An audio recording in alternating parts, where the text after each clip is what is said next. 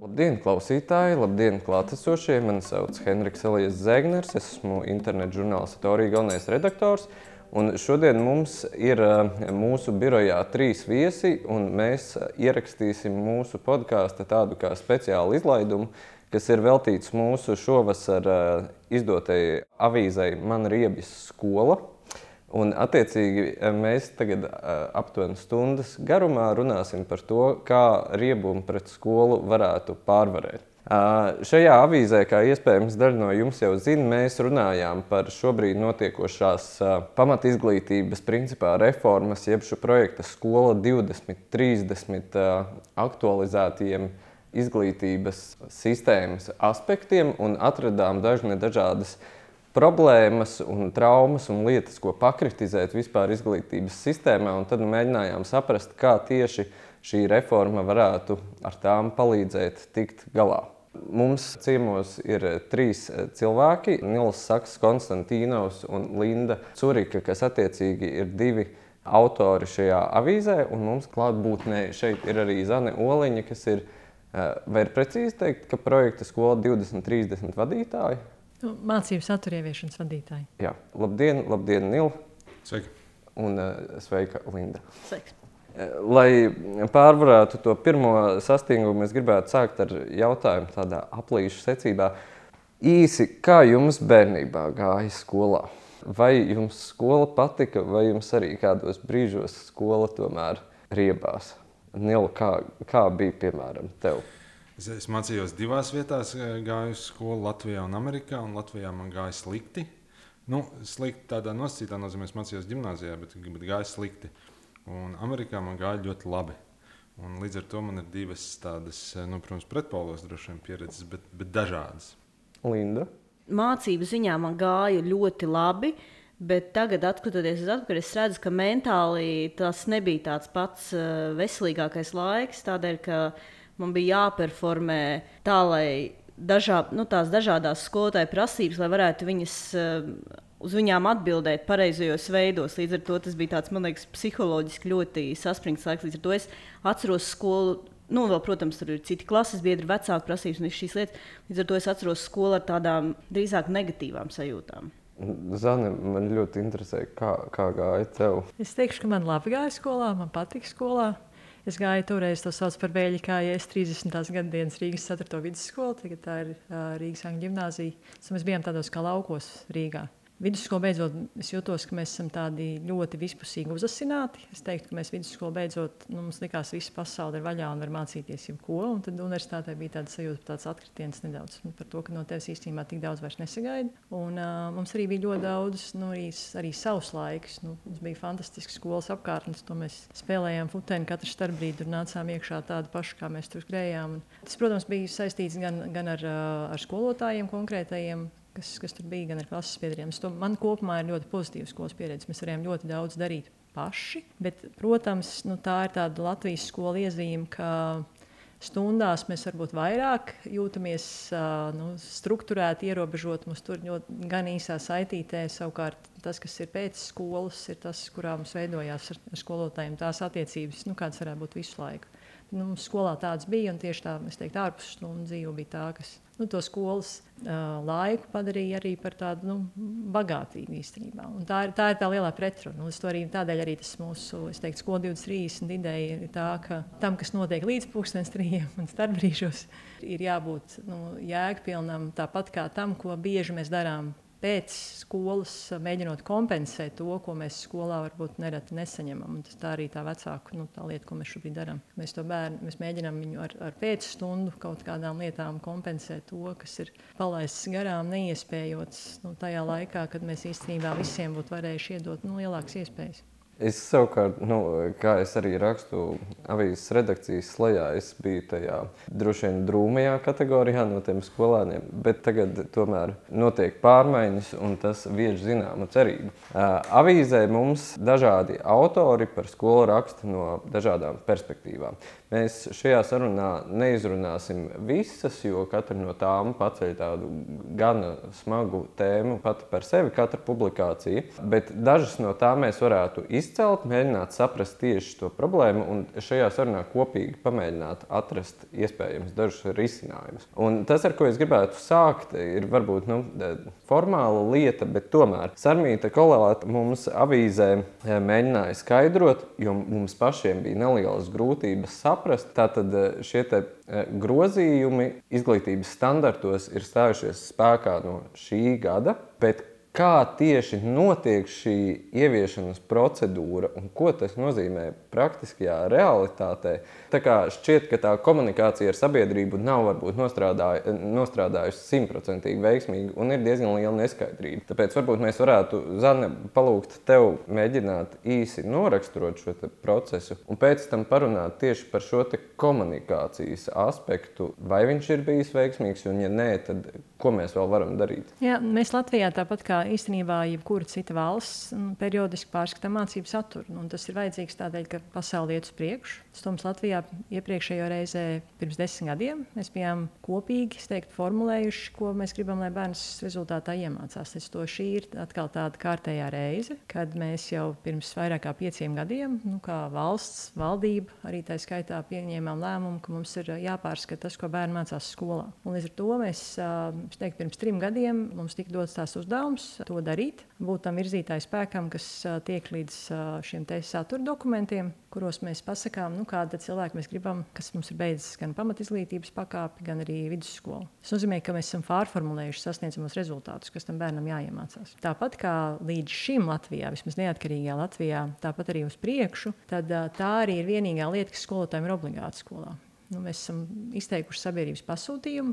Šīs ir tās lietas, kas tev katrā mācību priekšmetā ir jāiemācās rezultātā. Tas ceļš, kā skolotājs to var darīt, tā ir viņa profesionālā izvēle. Un to es gribu īpaši akcentēt un uzsvērt, jo tas ir tas, kas apgrūtina to procesu par to, ko nozīmē ieviest. Jo neko kā tādu programmu šādā procesā nevar ieviest. Ir ļoti būtiski, lai cilvēki saprastu, kas tad ir tie mācību pieejas, akcenti, kas ir jāmaina šajā reizē, lai tas cilvēks nu, sanāktu tāds, kā mēs mēs to, to vēlamies. Un tā būtiskākā atšķirība nu, šajā mm, ciklā, un to mēs saucam par, par izglītību mūsdienīgā lietpratībā, ir tā, ka mēs gribam, lai skolēns nu, kaut ko spēj darīt ar tām savām zināšanām. Tās nav pasīvas, tās viņam ir personiski nozīmīgas un lai viņš arī nu, spētu rīkoties saistībā ar savām vērtībām. Nu, būtībā nu, ir, ir cilvēks, kurš ir gan pilsoniski aktīvs, gan viņš ir nu, sapratis, kas ir tas, nu, ko es šajā pasaulē gribu darīt. Un mēs tiešām gribam, lai tas notiek, lai tas nepaliek uz papīra dokumentā. Tas nozīmē, ka tam veidam, kā skola operē, nu, ir, ir jāmainās tam, kādu mērķi viņi sev izvirza. Nu, jo šobrīd nereti ir tā, ka mēs um, nu, esam uzzīmējuši tādu ideālo bērnu, kuru grib, mēs gribam, lai viņš ienāk pa durvīm, tad mēs viņu mēģinām iekļaut nu, tajā bildē, kādu mēs domājam, kā viņiem visiem būtu jāmācās nu, vienādā tempā, sākot no vienas vietas, bet viņi jau nav vienādi. Līdz to mums ir nu, jāmainās tam veidam, kā mēs uz to bērnu raugāmies. Um, mums ir ļoti būtiski, lai mēs klasē nu, ar katru bērnu sāktu sarunāties no tā punkta, kā viņš pie mums ir atnācis nevis no tā punkta, kur es domāju, kur viņam ir jābūt. Skolēni ir ar vien dažādāki, kas ienāk klasē skolotājiem. Viņiem ir ļoti atšķirīgas sociālās vidas, kur viņi uzauguši, ļoti atšķirīgs priekšzināšanu līmenis, un tās atšķirības palielinās ar vien vairāk. Līdz ar to skolai ir jābūt arī gatavai visiem tiem pieaugušiem, kas tur uz vietas skolā ir, kopīgi strādāt, lai tam cilvēkam nu, palīdzētu, viņu iedrošinātu, viņu virzīt tālāk. Līdz ar to tā ir pieejas maiņas lieta. Līdz ar to tas ieviešanas process ir, ir, ir tāds, kā mēs strādājam ar skolu vadītājiem skolotājiem, ar priekšmetu skolotājiem, nu, palīdzot viņiem lēnām būtībā uzbūvēt to pārliecību, nu, ka viņi tādā veidā var strādāt. Bet tie lēmumi, ko darīt, kad un kāpēc, tiem lēmumiem jābūt viņu. Mums tikko nesen sociālajos tīklos izcēlās diskusija par to, ka uh, jaunajā priekšmetā dizains un tehnoloģijas uh, skolotāja bija izlēmusi, ka 7. klasē pirmais temats jaunajā priekšmetā būs pērļošana. Un es zinu, ka tas izraisīja ļoti daudz nu, diskusiju. Zēnu klases, 7. klases, pērļošana. Kas tas ir, kāpēc manam bērnam tas ir vajadzīgs. Un tas ir piemērs tam, ka uz šo jautājumu jaunais mācību saturs skolotāja vietā neatbild. Jo mācību saturā ir teikts, ka bērniem jāiemācās dažādas tehnikas, viņiem jāiegūst pieredze dažādiem materiāliem un jāiemācās, kā top lietas. Bet tas, kādu materiālu es izvēlēšos, lai to mācītu, un ar kādām tehnikām mēs strādāsim šodien ar šo konkrēto klasi, tas ir skolotāja lēmums. Līdz ar to tas, nu, tas ieviešanas veids tas nav nekādā veidā ne vienkāršs, ne, ne, ne, ne tāds, kur var pateikt, tagad dariet tā, un nav vairs padomu laiks, kad visiem ir viena mācību grāmata, un mēs visi zinām, kurā lapas pusē katrs tagad ir, un mēs ejam visās klasēs, un visi mācās vienādi. To, nu, tādēļ nevar vienkārši atbildēt, kā tā ieviešana notiek. nu, jā, un tas jau droši vien arī šis stāstījuma apjoms ieskicē to, ka tā nav vienkārši komunicējama lieta, bet, piemēram, Linda un Nila, jums no citām perspektīvām ikdienā ir saskarsme gan ar bērniem, kas ir skolā, tev eh, droši vien nu, arī kā tev meitas iet skolā, Jā. vai ne? Eh, Nils savukārt strādā kā, kā speciālists ar bērniem, un jūs esat kontaktā gan ar tiem skolāniem, gan ar vecākiem. Vai jums, nu, teiksim, tajā jūsu apkārtējā sociālajā vidē, šajā atzarā, par šo reformu ir runas, un vai tur parādās kaut kāda skaidrība, vai tur tomēr arī ir kāds apmulsums no vecākiem, no skolāniem? Kā tagad dzīvosim? Nu, man liekas, no vecākiem ir apmulsums, bet arī tā skaitā tāda ir vecāka kategorija, kuriem ir liela tendence augt pēc kontroles pār skolotājiem un pār mācību saturu. Man liekas, ka viņi kaut kādā ziņā ir apmierināti ar to, cik daudz materiāla ir par, par jauno izglītības saturu. Teorētiski tu vari pavadīt nedēļas lasot šos simtiem lapušu garos uh, aprakstus, kas ir sadizainēti smuki un varbūt turpat nu, tā kā var saprast arī, kas, kas ir domāts un kāda ir mērķa. Bet no skolotājiem gan uh, var dzirdēt tās replikas kas ir. Nu, tagad mums jau, protams, nekāda materiāla nav. Nu, tā, kad var just, ka viņi nav, viņi nav tajā vilcienā iekšā. Tas man liekas ļoti dīvaini, ka, nu, ja skolotāji nav tajā vilcienā iekšā, tad arī skolēniem visdrīzāk tas ir tas, ko viņi dzird. Nu, ka kā nu, šitas te, šitās jau kaut kādas muļķības, te jau nekā, vispār nekas nav skaidrs, kas tad vispār te būs. Un, uh, tas ir tas, ko skolēni patur savā galvā. Nu, tas ir tas, ko viņi atnes arī vecākiem. Ja, par to, ka tā, nu, šīs jaunās mācības jau kaut kāds hauss un bardaks. Un tas man šķiet, ka ir ļoti slikti. Un es, starp citu, arī studēju pedagoģijas doktorantūrā, un es redzu to, cik daudz ir visādu apmācību pedagogiem. Uh, no malas skatoties, rodas ka viņiem tas ir uzkritis pēkšņi. Bet uh, tas jau ir ilgs process, kas ir bijis. Viņiem ir bijušas apmācības. Godīgi sakot, skolotājiem vienmēr ir bijušas iespējas izmantot dažādas materiālus. Tas nekad, nekad nav bijis tā, ka 3. septembrī matemātikā jābūt obligāti 4. lapusē šajā grāmatā. Vienmēr skolotāji, sevišķi pamatskolā un vidusskolā, ir varējuši izmantot dažādas materiālus. Konceptuāli jau vai tiešām tik liela tā pārmaiņa ir? Nīl, vai tu esi dzirdējis kaut kādus uh, priekus vai bēdas tieši šajā sakarā? No tiem bērniem, vecākiem, ko es redzu pie sevis klinikā, viņus daudz vairāk uztrauc Covid pārmaiņas un kā tas ir ietekmējis skolu, ne tik daudz varbūt šī lieta. Runājot ar pedagogiem, tas drusku man skar personiski, jo mēs tieši šogad mēģinājām pievērst uzmanību psihoemocionālajai videi skolās, un pēc Covid periodā tas būs ļoti svarīgi. Bet skolās šobrīd tas viss tiek atlikts. Jo saka, nē, nē, par psihoemocionālu tagad ne. Mums te ir pilns, kas ir jādara ar jauno sistēmu, viss ir jāievieš. Un pedagogi vairs, kā minējāt, nav gatavi eh, vēl kaut ko vēl jaunu apgūt. Tas, ko savukārt vidē par to runājam, nu, tur ir, protams, ambivalents sajūta, varētu teikt. Un es domāju, arī šeit, eh, kā ieskicējāt, tur tas diezgan labi parādās. Jo no vienas puses es ļoti citu, priecājos, ka parādās tādas idejas par to, ka bērnam skola nav vairs zināšanu mm, apgūves vieta, bet tas kaut kas, kur veidojas jēgpilnas attiecības ar kaut ko. Piemēram, kā šeit min, ka zināšanas ir kaut kas, kas būtu emocionāli svarīgs. Atkal, es kā attīstības psihologs skatos nedaudz nu, ar zināmu piesardzību, jo e, mums jau emocionāli svarīgas ir ne jau zināšanas, e, ne jau nu, kaut kādas abstraktas lietas. Mums svarīgs ir tas, ko mums mēģina pateikt emocionāli svarīgi cilvēki. Tas atrisina jautājumu par pērļošanu. Ja, ja puisim būs labas attiecības ar, un emocionāli svarīgas ar skolotāju, viņš eh, gan pērļošanu uzņems vienādi labi, gan matemātiku, gan inženierzinātni. Un es arī domāju, ka tas tā interesanti ieskanējās par vērtībām. Vērtības, kā reiz ir tāda lieta, kur mēs no psiholoģijas zinām, ka viņas nevar īsti iemācīt. Vērtības ir kaut kas, ko mēs uzņemam no vides. Tā ir skaista ideja. Es ļoti par to priecājos, ka mēs eh, satiekam bērnus tur, kur viņi ir, nevis kur mēs gribētu, lai viņi būtu. Un mēs kā, eh, ņemam vērā katra bērna spējas un iespējas.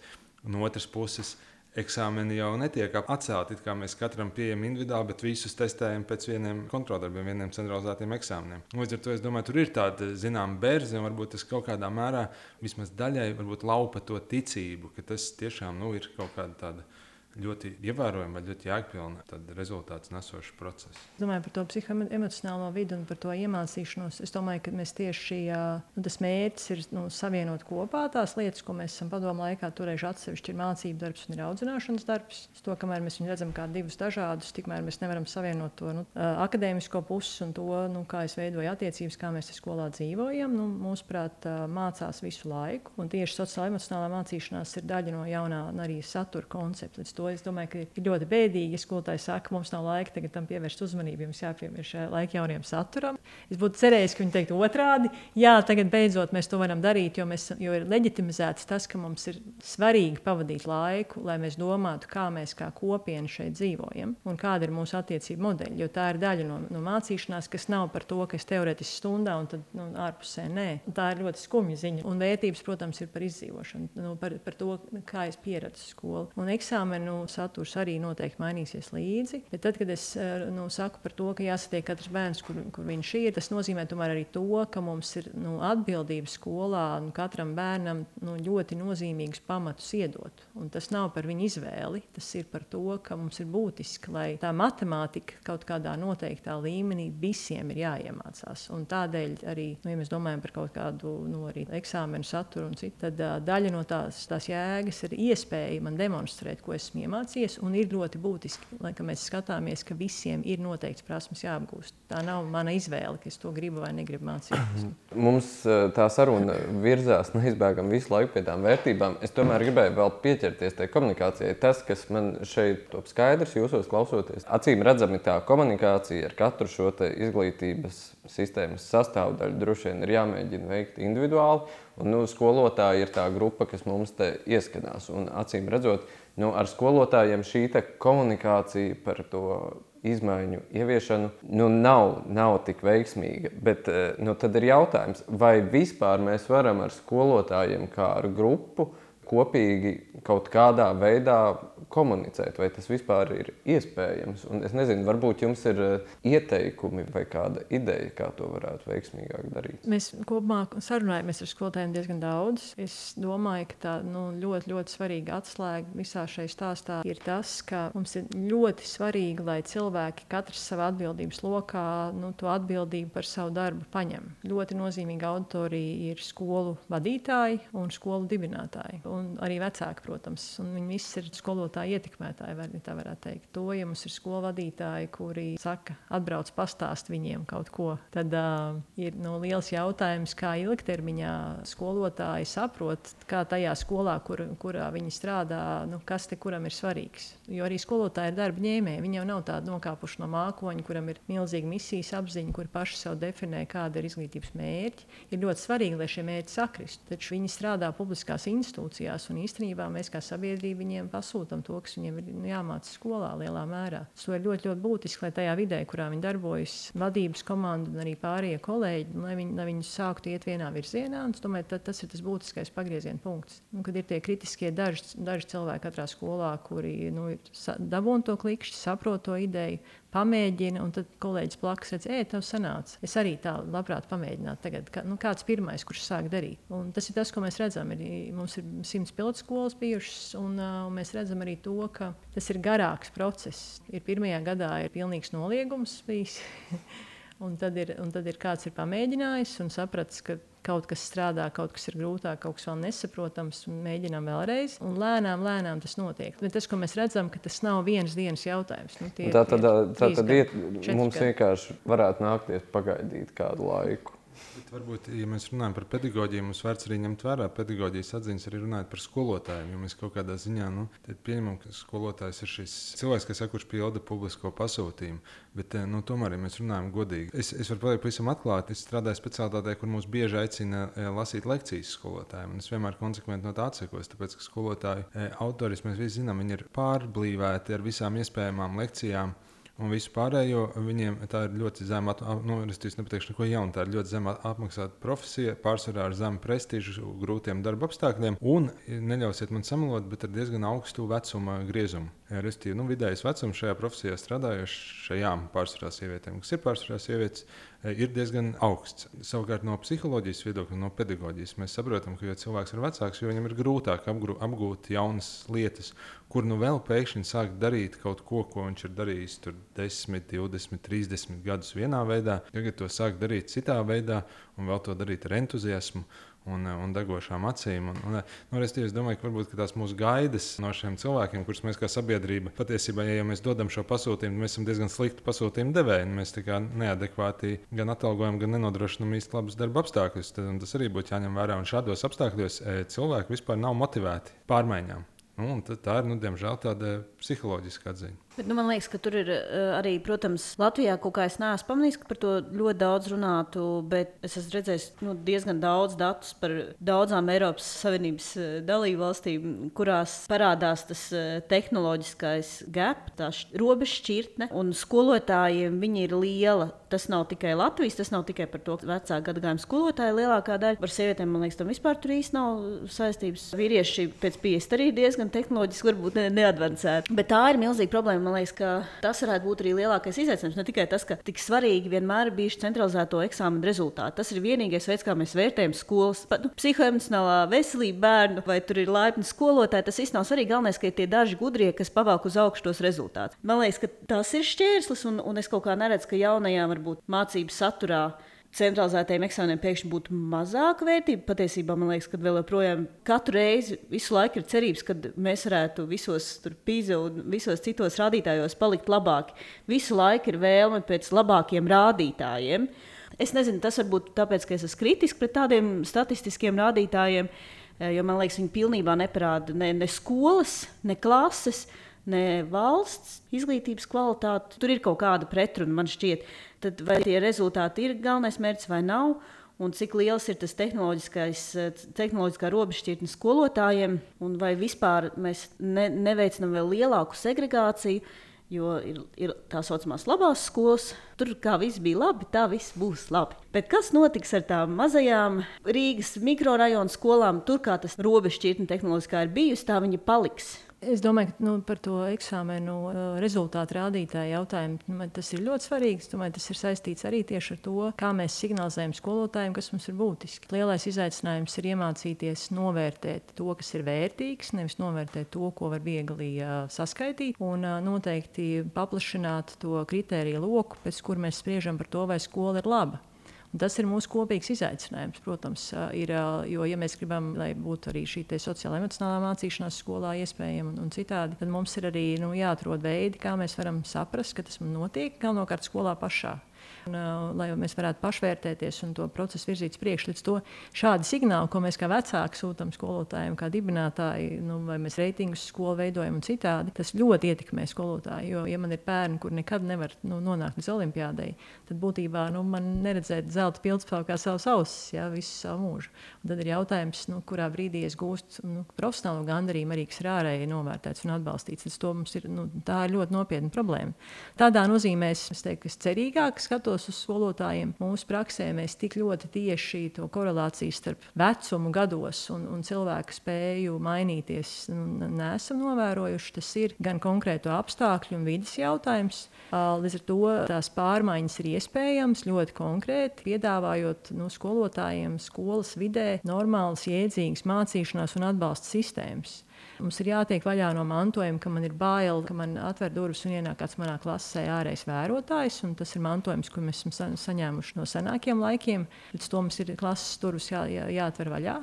Tas ir ļoti būtiski, lai mēs redzētu, ka kāds nāk pie manis, lai man atbalstītu, nevis lai man sodītu. Un tad mēs lēnām varam tikt uz tā nu, uzlabojuma ceļa. Tas ir iespējams, to mēs redzam. Tas nav nekas nepaceļams, bet paralēli, protams, mums jāsaskārto visa šī praktiskā struktūra Latvijā, lai mēs tos ierobežotos līdzekļus, kādi mums ir un vienmēr būs ierobežoti lai mēs varētu veltīt tam, lai nu, skolotājiem būtu gan atalgojums, gan iedzīgi darba apstākļi. Vai tev ir kādi konkrēti nu, priekšlikumi, vai kas ir tieši šajā struktūrā šobrīd lielākie bloki? Protams, ka nu, skolu lieluma jautājums ir viens. Nu, tas ir viennozīmīgi svarīgs, jo nu, resursi nerodas ne no kurienes. Sevišķi mēs runājam par vidusskolu. Vidusskolā bērnu skaitam ir jābūt nozīmīgi lielākam, kā lielākajā daļā Latvijas skolu. Vidusskolā bērniem vajag izvēles. Viņiem ir vajadzīga iespēja veidot tādu programmu, kas vedīs viņus to tālāko profesionālo interešu ceļu. Tur mēroga jautājums ir svarīgs, un tas dod iespēju piedāvāt arī konkurētspējīgu atalgojumu skolotājiem. Tā ir ļoti praktiska lieta, ir, ir kādā veidā mēs izlietojam naudas līdzekļus, vai mēs viņus ieguldām skolotāju mācībās, skolotāju algās, vai mēs apkurinām pilis Latvijā. Nu, tā ir ļoti svarīga izšķiršanās, jo tas ir viens budžets. Un to mēs uzskatām par izglītības budžetu, gan pašvaldības pusē, gan valsts. Tā ir ļoti fundamentāla lieta. Tas palīdzētu nu, sakārtot lietas, bet tikpat būtiski ir tā skolas vide. Mēs esam nu, vairāk kā desmit gadu garumā šobrīd ar iespējamās misijas skolotājiem redzējuši, nu, lai to puisi, kas tur ir aizvests uz skolu, noturētu skolā. Nu, tajā apdzīvotajā vietā ir vajadzīgs darbs arī, arī viņa sievai vai viņas vīram apstākļi, kuros to jauno skolotāju bērnu varēs augt. Tās ir tādas ļoti praktiskas lietas, kuras ir, eh, nu, ir, ir iespējamas. Nu, tad, ja mēs strateģiski paskatāmies, kur mums var būt skolas, un tad iet uz mērķi, ka visām skolām jābūt labām. Nu, nevis ļaut viņām vienkārši nu, dabiskā ceļā aizvērties. Un, manuprāt, tā, nav pareiza pieeja. Un, teiksim, iespējamās misijas šobrīd mācīt spēku pieredze liecina arī to, ka var aizvest arī vairāk vīriešu uz skolu. Iespējams, misijā nu, tie ir vismaz 30% katrā iesaukumā, kas ir, kas ir puiši mācīt spēkā šobrīd nu, tas cipars ir 20%. Nu, tas nav milzīgs, bet uzreiz uz 50% no, no tā, kas ir šobrīd, mēs neaizliksim. Tieši tādēļ, ka ir nu, tā otra puse. Tas, ko mēs ar, ar, ar jauniem, ambicioziem skolotājiem redzam, Viņiem ir ļoti svarīgi, lai uh, viņiem būtu kopīgi mērķi ar pārējiem kolēģiem. Un es redzu, ka mums ir izaugsmas iespējas. Tā vide, kurā es esmu, ir tāda, kas man palīdz augt. Un, un tas nav tikai algas jautājums. To mēs ļoti praktiski esam redzējuši šobrīd vismaz desmit gadus. Linda Nīla abi esat bijuši dažādās sasaistē ar pedagoģiju. Es nezinu, ar, ar, ar jūsu zināšanu arsenālu, kā jums šķiet, varbūt ir, ir kaut kāds veids, kā jūsu perspektīva palīdzētu risināt jauno skolotāju trūkumu problēmu. Es domāju, šis vispār ir pats uh, svarīgākais jautājums un fundamentālākais. Un vispārējās diskusijas ārpus šī, manuprāt, viens ir drusku tāds gaisīgs.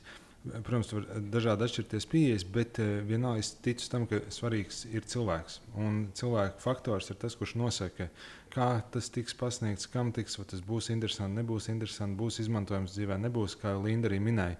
Nevienam skolotājam netika liekts izmantot praktiskās prasmes arī līdz šim skolā, un labie skolotāji to izmantoja.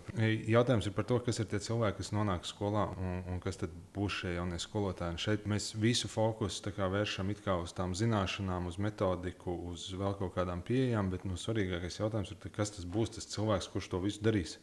Jo mēs arī redzam, ka praktiski, e, ja šie cilvēki ir zinoši, labi motivēti, labi izglītoti, tad principā metodēm pat ir diezgan otršķirīga loma. Un, e, es arī no savas, piemēram, no psihoterapijas viedokļa, mēs skatāmies, kas ir tas.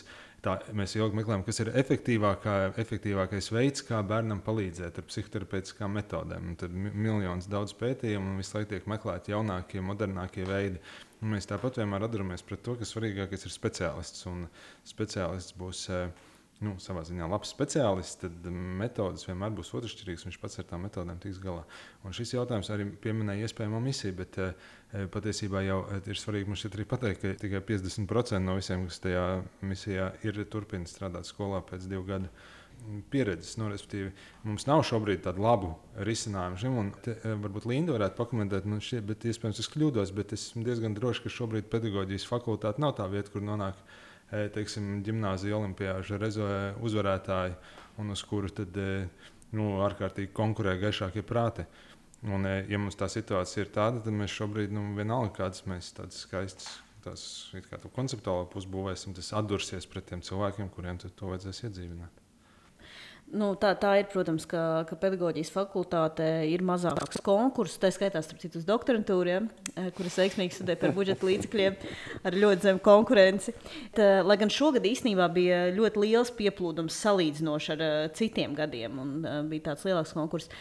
Man šķiet, ka piemēram, nu, tā iespējamā misija arī palīdz mainīt to profesijas prestižu.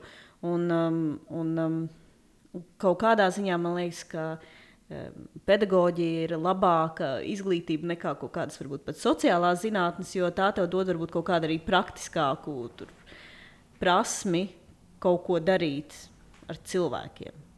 Es domāju, ka ļoti būtiski ir tas, ka nu, viens ir tas, ka mums tomēr jāsaprot, ka vismaz nākamos 20 gadus mūsu bērns, kas šobrīd iet skolā, mācīs tie skolotāji, kas tur šobrīd ir.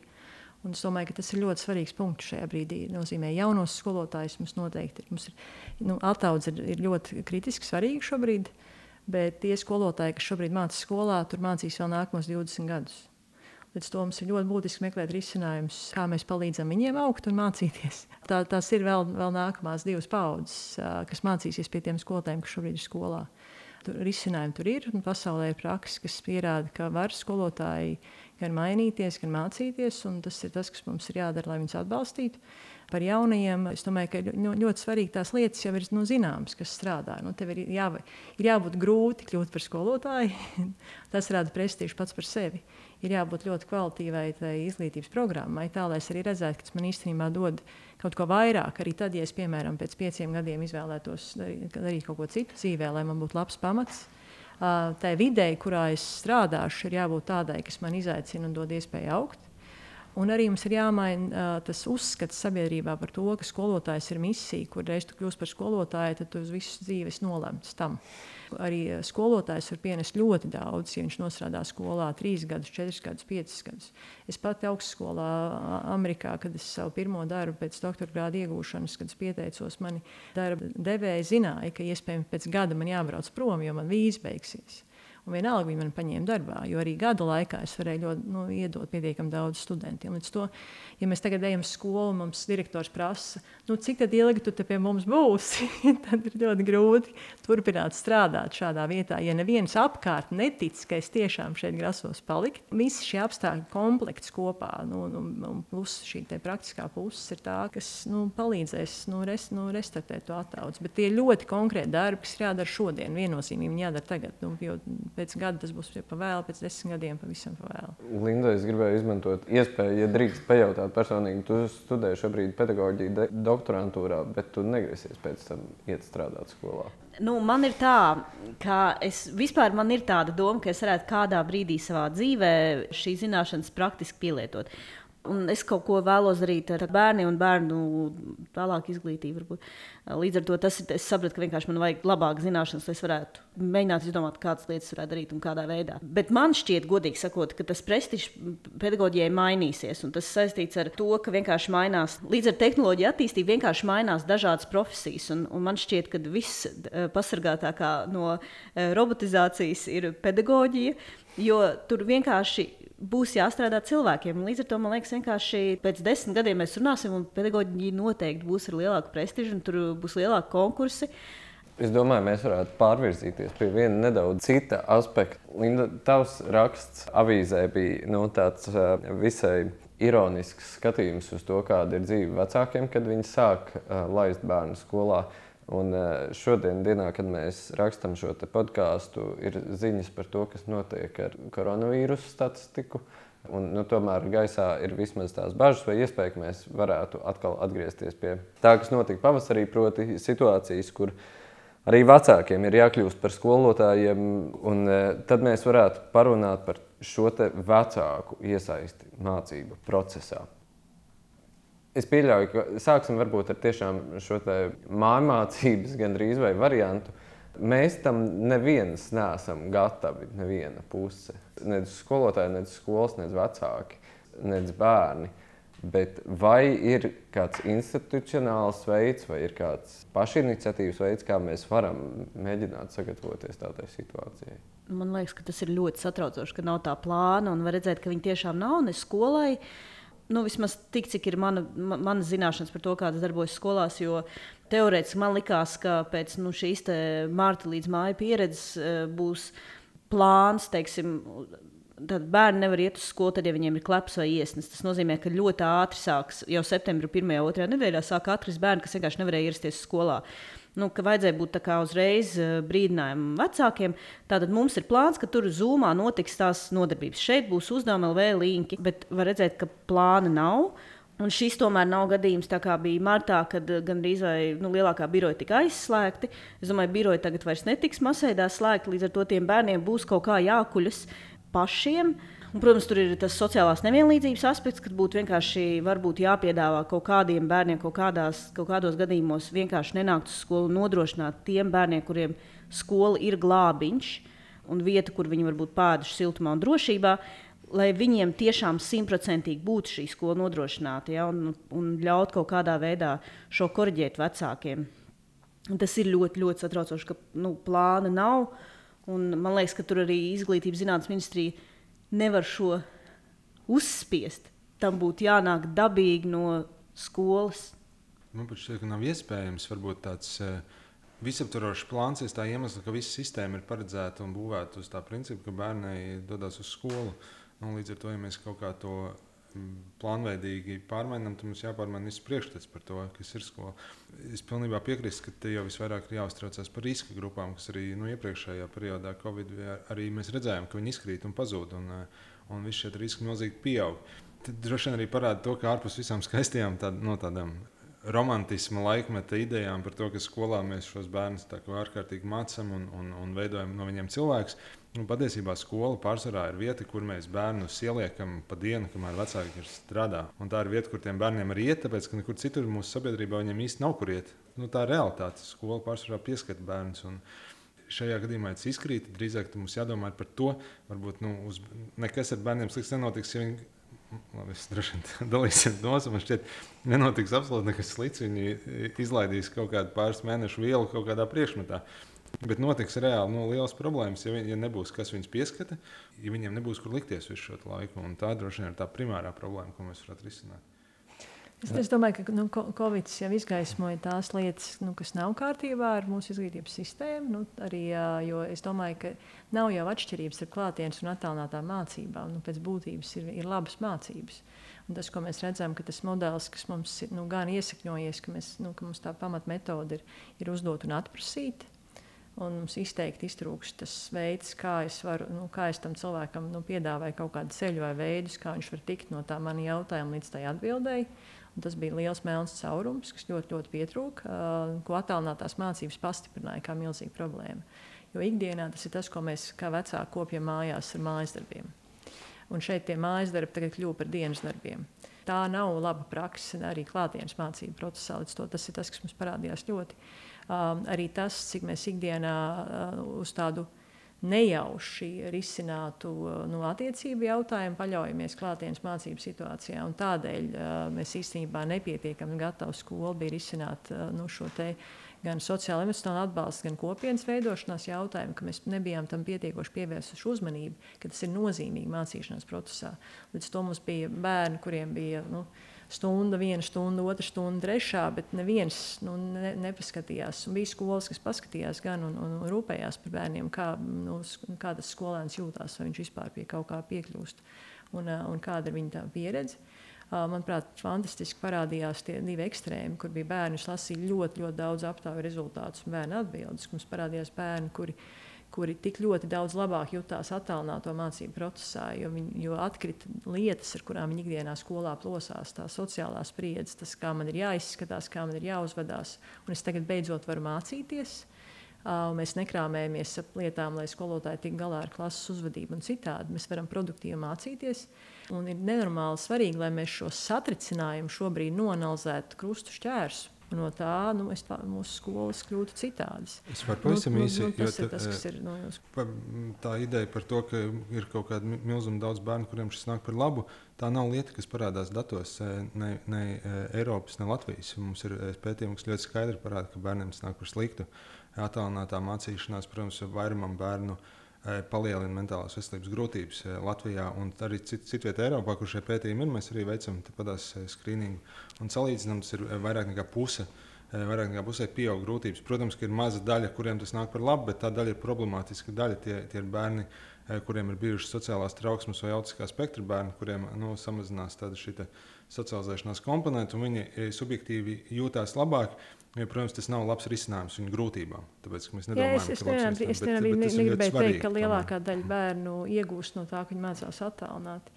Es, tas, tas galīgi nebija tas, es vienkārši nu, mēģināju pateikt, ka ir arī ir tāda grupa, un tad arī, protams, ir tie, kas ir uh -huh. riska bērni. Bet no, no, noteikti es arī tas atbalsta mehānisms tur nebija. Un, un, un, un tā ir taisnība, ka tas, kas šobrīd zinot, ka iespējams mēs nonāksim vēlreiz maijā, ka, ka mēs kā, teiktu, gribam izvairīties no situācijas, ka mums tagad tiešām ir jāsaprot, ko, kā mēs to darīsim. Un, un tā ir tāda. Nu, Es teiktu, nespēju atzīt, ka mēs ar to satricinājumu un neesam tikuši galā, vai arī ka mums nav īsti nu, veida, kā, kā to paveikt. Un tā, man liekas, ir liela nu, ir reāla, reāla mm. problēma, kas mums jāatzīst un ar ko mums jāstrādā. Bet eh, loģiski reformā pandēmija netika ierēķināta. Bet tas pandēmijas rezultāts bija arī vienkārši um, situācija, kur bērni mācījās kopā ar vecākiem, principā ar vien vairāk. Un es uh, gribēju pajautāt, vai reformas ietvaros ir domāts arī par šo ģimenes iesaistu un par to, kā palīdzēt ar šo reformu arī tiem vecākiem. Mēs tādus vecāku nu, atbalsta programmas īsti paši konkrēti, kā Skola 2030, neesam plānojuši. Tā, tā mūsu ziņa skolām un arī vecākiem ir bijusi, ka ir trīs ļoti nozīmīgas lietas, katra, kas katram vecākam būtu jādara. Un tā pirmā lieta ir, ir patiešām atbalstīt savu bērnu pirmkārt, nu, interesējoties, ļoti, ļoti interesējoties par to, kā viņam iet skolā un kā viņš tur jūtās. Katru dienu sarunājoties ar viņu par to, um, kāda ir tā viņa pieredze. Un uh, vienlaikus ar šo arī nevis pildot mājas darbus bērnu vietā, nevis krāpējot somiņu vietā, bet pakāpeniski attīstot šos ieradumus, lai viņš to var darīt pats. Ir ļoti svarīgi, lai viņam tiek radīta tā vide, kurā viņš var mācīties ar paredzamību, ka tas ir iespējams, ka viņš lēnām pats sāk to savu dzīvi organizēt, no, kļūstot ar vienu vecāku vecākam. Nu, un tā otra ziņa, ko mēs mēģinām nodot, ir, cik nenormāli svarīgi ir izveidot šīs konstruktīvās attiecības vecākiem ar skolu. Un ļoti svarīgi, lai vecāki neietu pret skolotājiem nu, atklāti bērnu priekšā. Līdz to tikko kā vecāki nu, pamanā, ka varbūt kaut kas nav kārtībā, ir kāda problēma ka pieaugušie risina šīs situācijas nu, pieaugušo līmenī pirmkārt, ka tā ir saruna, tad kur es eju un runāju ar skolu. skolu nevis es saku, o, oh, jā, tev tur tā tava skolotāja tiešām viņa tur tāda vai šitāda, jo tam bērnam tādā dzīvē dzīvot ir nenormāli grūti. Un ir ļoti būtiski, lai šobrīd arī vecāks to skolotāju nedzen stūrī. Jo sabijies skolotājs nevar palīdzēt tiem bērniem tikt pie, tā, nu, pie tās situācijas, kāda, kāda būtu svarīga. Jo viņš tad sāks darīt lietas, ko ir viegli darīt. Viņš sāks proceduralizēt lietas, viņš sāks darīt tikai drošas lietas, viņš sāks bāzt zem paklāja un nerunāt atklāti par lietām. Un tas būs tas rezultāts. Un šobrīd skolotāji nu, ļoti bieži arī ar tādu ļoti agresīvu vecāku uzvedību saskarās. Tas ir, ir nenormāli svarīgi, lai tās attiecības ar skolu vecākiem veidotos konstruktīvas. Nu, ja vecāki darī, izdarīs šo, tad prasmīgi skolotāji to zināšanu pusi, es domāju, ka to viņi nokūrēs un, un skola ar vecāku tās attiecības veidos katrā konkrētā skolā. Nu. Ja, Linda, varbūt jums kaut kāda ieteikuma psiholoģiskās situācijas uzlabošanai tādā situācijā, ja ne mēs pie tādas atkal nonākam? Manuprāt, ir tomēr e, jāņem vērā e, tas, e, ko mēs zinām ne tikai par bērnu pedagoģiju, tā, bet tas, ko mēs zinām par psiholoģiju. Psiholoģiskā pusē rādās, varbūt pedagoģijā nav atšķirības starp tālmācību vai, vai atrašanos klasē. No psiholoģiskā viedokļa tam ir atšķirība visas dzīves apjomā. Tā, tās ir milzīga atšķirība priekš bērnu ja neņem, mēs neņemsim vērā nu, tādas reālas lietas, ko mēs zinām e, šobrīd, vai kaut kā nodalīsim tās sfēras, nu, tur, tur būs problēmas, kā arī iepriekšējais periods parādīs. Es domāju, ka labs solis ir vienkārši atzīt to, ka šis nav jautājums vairs par mācīšanos. Nu, teiksim, e, tādā krīzes situācijā tas nav jautājums par to, kā turpināt mācību procesu tieši tāpatās, vai, vai nu, ne, nenovirzīties no tēmas, lai viņi aiziet līdz tam centralizētajam eksāmenam, un tad nu, iesaistīt vēl visus papildus resursus, vēl vecākus un kaut ko dusmoties, ka vecāki nav pietiekami iesaistīti vēl kaut kā. Nu, mums ir jāsaprot, ka šajās, ja bērns atrodas mājās, tas nav tāds veids process, ka viņš atrastos skolā. Tur ir pilnīgi dažādas lietas. Un otrs, protams, ka ir nu, vairāk uzsvars, man liekas, un arī vecāks būs vieglāk iesaistīt šajā visā, ja mēs sāksim runāt par tādām problēmām, kas cilvēkiem ir reāli nozīmīgas. Vecāku problēmas šajā visā nav tā, ka bērns neapgūst konkrēto mācību materiālu. Noteikti tā daudzumā vecāku problēmas parasti ir tas, ka nu, viņš nevar normāli strādāt, tāpēc ka viņam ir jābūt kopā ar bērnu. Un, un skolotāja problēmas ir līdzīgas. Nu, piemēram, arī ja mēs tā plašāk šīs reformas kontekstā, kas ir tās problēmas, kur izsina šī reforma, tās nav gluži arī skolotāja problēmas. Nu, savā ziņā, un skolotāja problēmas tiešām lielā mērā ir tās, ka nav šīs saiknes ar vecākiem. Vai, vai tas palīdzēs šo visu atrisināt? Nezinu. Droši vien tā nostāšanās acis pret acis ar, ar realitāti un saprast, ka šī ir cita veida situācija. Mēs nevaram vienkārši turpināt to pašu ceļu un pateikt, tā ir tā pati sistēma. Vienkārši te tikai pielāgosim tā, lai to varētu arī darīt mājās. Iesaistīsim vēl nedaudz vairāk vecākus. Nu, tas vienkārši tas, tas nav. Tā nedarbojās arī bērnu smadzenes lielā mērā. Praksē tas ir kaut kāds elastīgs WhatsApp chats droši vien. Es pat nezinu, kas ir elastiskāk. Elastiskāk varbūt ir tas, ka nav šī WhatsApp chata. Tu esi tā kā tu peldi tādā kosmosā, un tu nezini, kas īstenībā notiek un kas ir jādara. Bet vecākiem jau ir diezgan daudz jāiesaistās izglītības procesā. Nav tā, ka eh, vecāki tā kā laimīgi uh, strādāja un pēc tam vakaros dzēra vīnu. Un, uh, un viss tā kā dabīgi notika. Viņiem jau ir jāiesaistās atkarībā no bērna. Protams, ir tie bērni, kas tur paši mācās, paši, paši pašmotivēti, super, ļoti gudri. Mm, ar tiem arī nav problēma. Bet, nu, konceptuāli es pieļauju, ka lielākajai daļai vecāku ir jāsako, un ir jākontrolē, un ir jāmotivē bērns, un ir jāpalīdz, un jāmēģina saprast tā, tā viela tur tajos priekšmetos, kuros tu varbūt vispār nezini neko. Un ir jāaudzina sevi tā pedagoģiskā prasme. Nu, vismaz man personīgi tas bija tas lielākais izaicinājums. Es jau tā saprotu, ka nevar pacelt balsi un kaunināt, bet man, kā vienkārši parastam cilvēkam, ir dot ļoti maz rīki. Jo es īsti neprotu dīlot ar to situāciju, kad ir jāskaidro kaut kāda pašsaprotama lieta, teiksim, matemātikā, un tas bērns to nesaprot. Skolotāji visdrīzāk zina, apmēram, ko darīs šajā situācijā, nu, kas cerams nav aizies mājās pat ar vecākiem izpildījis. Nu, jā, man liekas, ka tas psiholoģiskais spiediens ir šausmīgi liels, un viņš vienkārši ļoti spēcīgi palielinājās. Nu, man, man atbild bija vairāk par to, nu, kā vispār vecāka loma, kāda ir procesā. Tas nebija specifiski par Covid, bet attiecībā uz Covid. Tad, nu, tas, kas ir nu, būtiski, nu, protams, ir, nu, tas, ko mēs redzam, ir milzīgas atšķirības starp skolām un veidā, kā viņi to dara. Nu, mūsu rekomendācija ir bijusi, ka viennozīmīgi mācību satura apjoms ir jā, nu, jāsamazina šajā laikā. Tā tas īpaši bija pavasarī. Tas uzstādījums arī no valsts puses nav bijis tāds, ka Uh, nu, jūs vienkārši klapējat, nu, sē, nu, sēmoldu, sēmoldu, visu, ko jūs vienmēr esat klapējuši.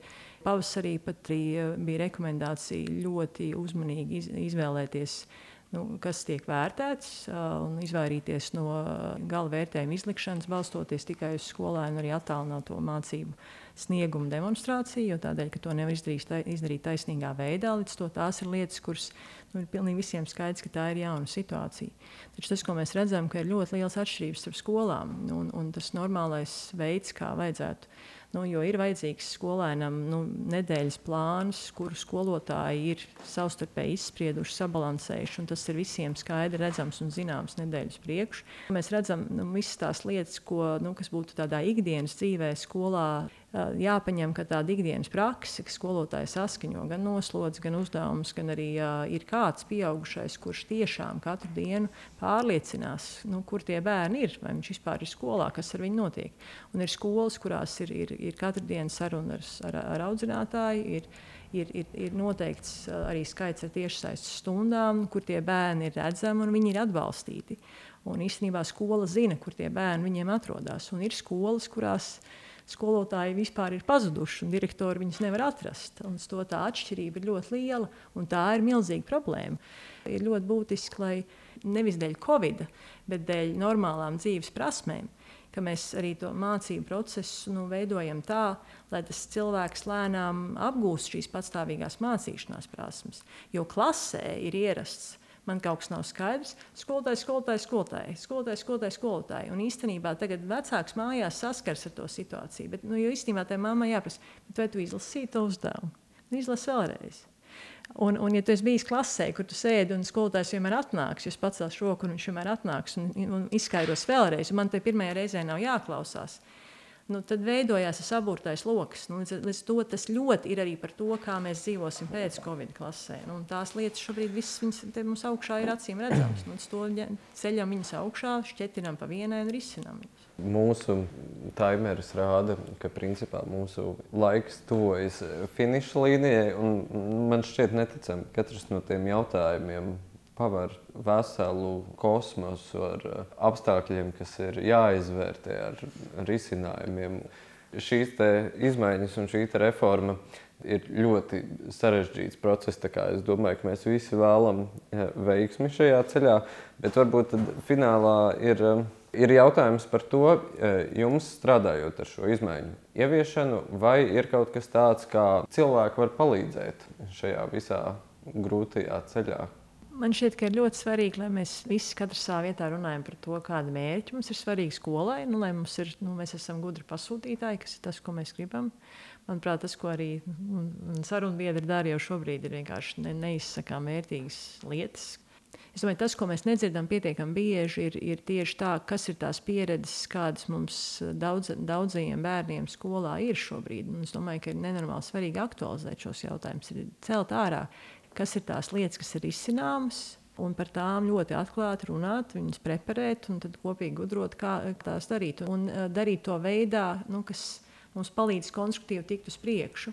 Jo skola ļoti bieži nonāk nu, tādā vainīgā pozīcijā. Nu, teiksim, mēs atklājam narkotikas, kāds lietojas skolā. Kas notiek? Presa nākošā dienā ir iekšā direktora karpies staba. Un kas notiek? Skola sāk slēpt šīs lietas. Un tajā brīdī, kad mēs noliekam skolu situācijā, ka viņam kaut kas jāslēpj, jo Dievs nedod, kāds kaut ko te atklās, tad mēs to problēmu nevaram atrisināt. Līdz to mums ir jātiek pie veida, lai mēs varētu sarunāties un redzam to kā tādu nu, kopīgu sistēmas problēmu, nevis vainīgo meklēšanas situāciju. Un tas, un tad mēs arī tiksim pie situācijas, kur skolotājs ir gatavs atvērt durvis, viņam nav bail. Un tad mēs lēnām tiksim pie bērna, kurš arī ir brīvs. Mums ir, mums ir jātiek pie brīvā skolotāja. Ja mēs netiksim pie brīvā skolotāja, tad mēs netiksim arī pie brīvā bērna. Linda, Nil, vai jums ir noslēgumā kāds novēlējums eh, reformu būvējot? Mans novērojums būtu mazliet, varbūt ne tik ļoti turēties pie šīs kapitalistiskās metafāras par uh, mūsu kā pasūtītājiem un bērnu kā produktu, kuram ir tagad, nu, kaut ko jāizveido, jāiepako un jā, jāpadara atbilstoši kādam kvalitātes kritērijiem. Varbūt vairāk iet tajā psihoemocionālajā virzienā un, un runāt un domāt par attiecībām, par attiecībām starp cilvēkiem un uh, par attiecībām starp skolotāju, vecākiem, bērniem, bērniem savā starpā. Jo tomēr nu, vairāk vai mazāk cilvēks ir būtne, kas dzīvo pastāv attiecībās, to starp mācās. Vislabāk mācās esot labās attiecībās. Es domāju, attiecības e, šeit ir atslēgas vārds e, absolūti visam. Kaut vairāk tas vārds skanētu šīs reformas kontekstā. Es tagad sēdēju un domāju, kas tad ir izglītības mērķis. Un man ir tādas šaubas, vai atbildes to būtu vienāda vecākiem, visiem vecākiem, visiem skolotājiem un visiem e, izglītības zinātnes ministrijā. Jo es pieļauju, ka ļoti daudziem izglītības mērķis ir atzīmes un iestāšanās augstskolā vai zināšanas. Man ir bažas, ka tas nav varbūt labākais mērķis. Un, un to, ka šis ir mērķis, protams, pierāda atkal tie visi skolu topi, prestižās skolas, labās, sliktās skolas un tam līdzīgi, kurās nonāk gan turīgāko vecāku bērni, kas ir atraduši veidus, kā apiet sistēmu, gan arī labākie skolotāji tur kaut kādā mistiskā veidā nonāk. Ka mērķim varbūt būtu jābūt tādam gan arī utilitāram, sniegt kvalitatīvāko iespēju izaugsmēji maksimāli lielam daudzumam bērnu. Man liekas, ka mēs ļoti, ļoti koncentrējamies uz tām kaut kādām prestižām lietām un uz tām atzīmēm, tas nav līdz galam labi. Jā, es arī apsveru iespēju šajā sarunā mēģināt runāt par to, vai vispār ir iespējams vienoties par skolas uzdevumu un skolas mērķi kā tādu. Un arī mūsu avīzē tas ir jautājums, kas ir ticis risināts. Tik vienkārši tas nav, bet eh, es ceru, ka viens no tiem mērķiem varētu būt skola, kas skolāniem neriebjas. Ceru, ka maksimāli daudziem tā ir arī tagad. Paldies jums! Paldies! Turpinam, turpinam mācīties un, un lasīt satoriju.